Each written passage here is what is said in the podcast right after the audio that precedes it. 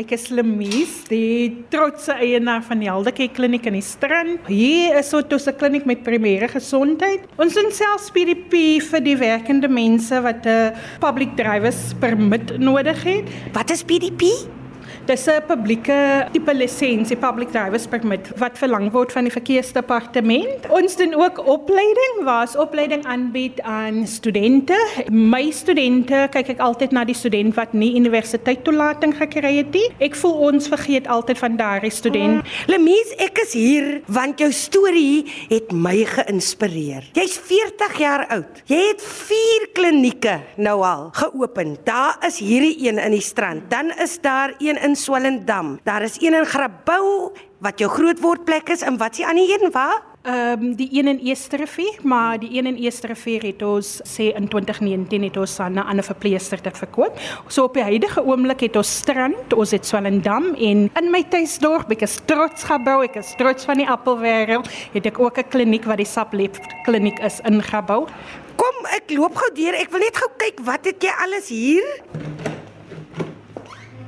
Dit is ons konsultasiekantoor. Soos jy kan sien, hier het ons 'n mooi afdeling vir die babas waar hulle weeg, waar hulle kop omtrek vat, hulle lengte omtrek vat. Die immunisasie word in hierdie area gespuit. Ons het dan ook ons bloeddrukapparate. Ons het ook ons masjienkies om die baba se hartklopie te hoor. Dis een van die oulikste dingetjies as jy sien die mamma hoor vir die eerste keer hy baba se hartklopie ja. en hulle vee so die treintjies af en dan vee jy ook maar die agterkant jou trane af. Dis een van die lekker dinge daarvan om jou pasiënte se vreugde saam saam met hulle te kan deel. Ons deel nie net vreugde hier nie, ons kry gevalle waar die mense ook 'n traan stort hier binne. En my familie sê ek het altyd niks nodig om te huil nie. So as ek 'n drukkie moet gee, gee ek 'n drukkie as ek saam met huil grylik saam. Mm. En dit is omdat ek 'n mens is wat ook gevoelens het, 'n mens is wat ook deur storms kom, as ek dit so kan stel, maar hier is ek vandag. Ek sê altyd as as jy deur 'n ding gaan, is fyn. Dis my motto. Ek sê dit vir my kinders ook, huil gaan deur emosies, môre voel jy beter. Mamma het altyd gesê môre gaan die son weer skyn. Ja. Die wolke gaan verdwyn. So. Ja. Ek gou vir jou vra hoeka. Jy het hierdie kliniek geopen want jy het gesien by 'n hospitaal hier in die strand, mense staan in lange lang rye. Jy wou dinge vir hulle makliker maak en dienste aanbied wat 'n hospitaal ook aanbied. Jy's goed opgelei daarvoor. Maar weet jy wat so interessant? Jy is een van 14 kinders. Die jongste. Wat my opval, is storie soortgelyk aan myne behalwe nou vir die 15 kinders. Ek het ook my eerste en enigste kind gehad op die ouderdom van 45 en jou ma het vir jou gehad op die ouderdom van 45. Wat het jou genoop om verpleegkunde te studeer? Ehm um, so ja, mamma het my op 45 gekry. Dokters sou gehad het sy met my aborteer. Hulle het gevoel die kanse vir down syndroom en komplikasies gaan groot wees en so, maar hier is ek vandag. Ehm um, so verpleging, ja, mamma was daai ouderdom, my pa was min of meer ook daai ouderdom gewees en ek dink ek was standaard 5 gewees. Dit het toe nou gangrene en dit het eers begin waar hulle die een been amputeer en toe die volgende. Ek sê altyd my pa was 'n baie lang man gewees en as ek terug moet kyk en jy jy dink aan hy emosies wat hy deurgegaan het want onthou hy was 'n provider in die huis ook saam met mamma en ewe skielik word altoe jou bene geamputeer en jy lê op 'n siekbed. Dit was 'n kort siekbed van sê plus minus 'n jaar. Jy weet baie mense lê soms langer en so. Daar het ek geleer en ook gesien hoe mamma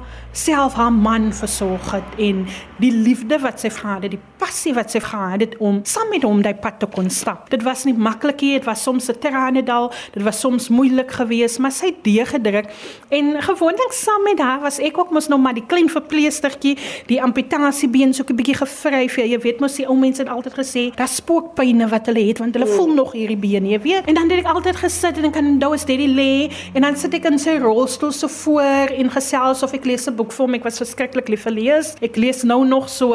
Ek sê altyd uh, ek was 'n daddy skill gewees. ja, die oogappel het my altyd Lily genoem, maar dit is waar die liefde vandaan gekom het, verstaan? Van daai tyd af het ek net dit gehad, ek wil meer vir mense gee. Ek wil meer vir ander mense doen. My my ander ding in die lewe is dat om een lewe op 'n tyd te verander. Ons weet nie hoe staan iemand die dag op of met watter emosies, watter dinge mense deurgaan nie, maar daai glimlag wat jy gee vir mense, daai van jy weet dit gaan oukei okay wees. Daar was op 'n stadium in my lewe wat ek nie die woorde wil gehoor het jy gaan oukei okay wees nie, maar vandag is ek oukei. Okay. Weet jy wat's ook vir my baie interessant is, jy het jou eerste kind ja. baie vroeg in jou lewe yes. gehad. Jy was in matriek, maar jy het nog steeds gaan studeer. Mm. En jy het op 'n keer of 'n paar kere kon jy nie die kindjie yes. by iemand los nie. Daar was niemand om na te kyk nie en dan neem jy haar saam. Ek was 19 toe sy gebore is en dit was op Mandela Dag gewees. So volgende week is haar verjaarsdag. So dat ek ek was redelik jonk geweest. Ek het nie geweet van wat op my wag of enigiets soos dit nie. Ek het preeclampsia ook gehad met haar ehm um, geboorte en so net in Tygerberg Hospitaal geboorte gegee en o, oh, sy was 'n koliek baba ook geweest aan mekaar gehuil dat ek gevoel het hoe maak ek nou, jy weet. Maar vandag is ek 'n een wat vir die mense verduidelik hoe hanteer jy 'n koliek baba en so. Musfika was omtrent so 'n jaar en 'n half toe ek gaan studeer het. My kerel, wat nou my man is, ek is een van die gelukkiges, nê. Is het myself tot by die universiteit geneem en gesê, weet jy wat, nee, jy het die passie. Ek kan nie jou elke dag so sien dat jy wil gaan leer, maar jy kom nie daarbey nie. Kom ons gaan. Hy het my geneem. Hy het was dit die online um, aansoeke wat ons doen nie, so ek moes die harde kopie van en invul en toe nou weer gaan bou te neem en sê mamma teken net vir my asseblief. Mamma het geteken en dit was nou mos nou om 'n beurs te kan kry want onthou ek het nie geld gehad nie. Mamma het nie geld gehad nie. So ek was verleë vir 'n staatsbeurs as ek dit so kan stel. Ek kan nou nog my ma se gesigsuitdrukkings sien toe sy die brief lees vir my om te sê dat ek was aanvaar vir universiteit gewees. Ja, so daar was sy daar, mamma het nog daai tyd gewerk en um, ons kon nie bekostig om vir Mosfika in 'n kleuterskool of so te gaan sit nie en baie dames ek het saamgeneem het. Ek het nie 'n keuse gehad. Die party dat ek gevoel, weet jy, nou los ek studeer want ek het nie geweet dit is so moeilik nie, verstaan? En ek het gevoel dat ek kan nie koop nie. So ek het 'n keuse gehad, vat ek hierdie kind saam of bly ek my eentyd by huis? En as ek na haar kyk, het ek geweet dat net soos my ma vir my beter wil hê, wil ek vir haar beter hê en ek wil ek wil wees om te kan ehm um, vir haar te kan sorg. So ek het aangehou en uitgehou en so. En toe besluit hierdie dogtertjie van my vat ek nou maar saam. Mense moet sê net wat hulle wil maar almal was tegemoet kom en van al die lektore was tegemoet kom en soos ek sê dat um, ons minister of health was destyds um, my tweede jaar lektor gewees en wat vir ons child health gegee het. Ja sy was pragtig geweest met my kindjie. Altyd bietjie voorbeelde gemaak op haar oor hoe doen jy kop omtrek hoe doen jy lengte jy weet daai tipe van ding en ja. soos die vitamiene vir die kinders moet gee en sulke tipe van dinge. So dit was een van die dinge wat my geïnspireer het op Lemies dat as jy soveel mense rondom jou het, jy jy besef hoeveel mense gee vir jou om, jy besef hoeveel mense stap daai pakkie saam met jou en laat jy moet deurdruk hê. Selfs my onderwysers, ek het gister vir iemand gesê, vir waar ek vandag is, het ek soveel mense om voor dankbaar te wees. Selfs by Groenberg skool waar ek was, ek het Mr Langford gehad, um Pieter Langford. Hy was my onderwyser van san 8 tot op met matriek, meneer Jelsen Padnel, um meneer Internet, hy is nou nie meer met ons nie. Maar dit is mense wat altyd vir mamma gekontak om te vra hoe doen sy? Is sy alright? Is daar iets waarmee ons kan help? Stuur vir die boodskapie, stuur vir die briefie. Jy weet dan is dit iets van bemoediging wat vir my sê dat weet jy, jy kan dit doen.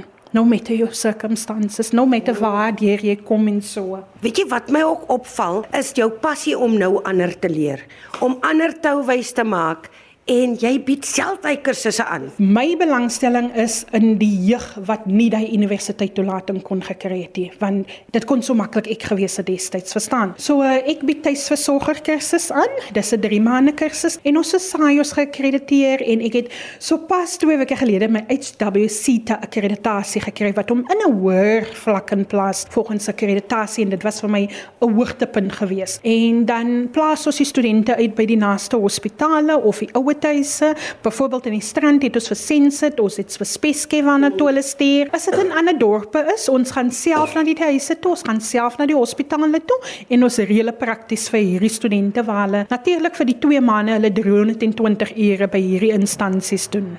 Jy maak nou ander mense se drome waar. Wat is jou drome wat nog oorbly vir jouself? Weet jy, ek dink so min in myself. Ek is een van daai mense wat myself bietjie agteruit sit vir ander mense. Maar die een droom wat ek het en ek gaan weer vir jou sê dalk is dit nie vir myself nie, maar ek ek wil 'n school of skills oprig wat verskillende vaardighede op opleiding gaan gee. Byvoorbeeld soos carpentry, byvoorbeeld soos welding, soos ek sê, ek kyk na die jeug wat dit nie kon gemaak het in die universiteit nie. Ek is passievol oor die jeug. So dis 'n een droom waaraan ek werk, maar as ek van myself moet praat, sal ek ook net 'n bietjie wil reis, die wêreld verken. Wat was jou ma se motiveringsliedjie altyd? Môre sal die son weer skyn. Miswolke sal dan verdwyn. Glimlag deur die stormwind. Jy is mos 'n kind van God. Pragtig. Lieflik, dankie suster Lamies. Die son weer skyn.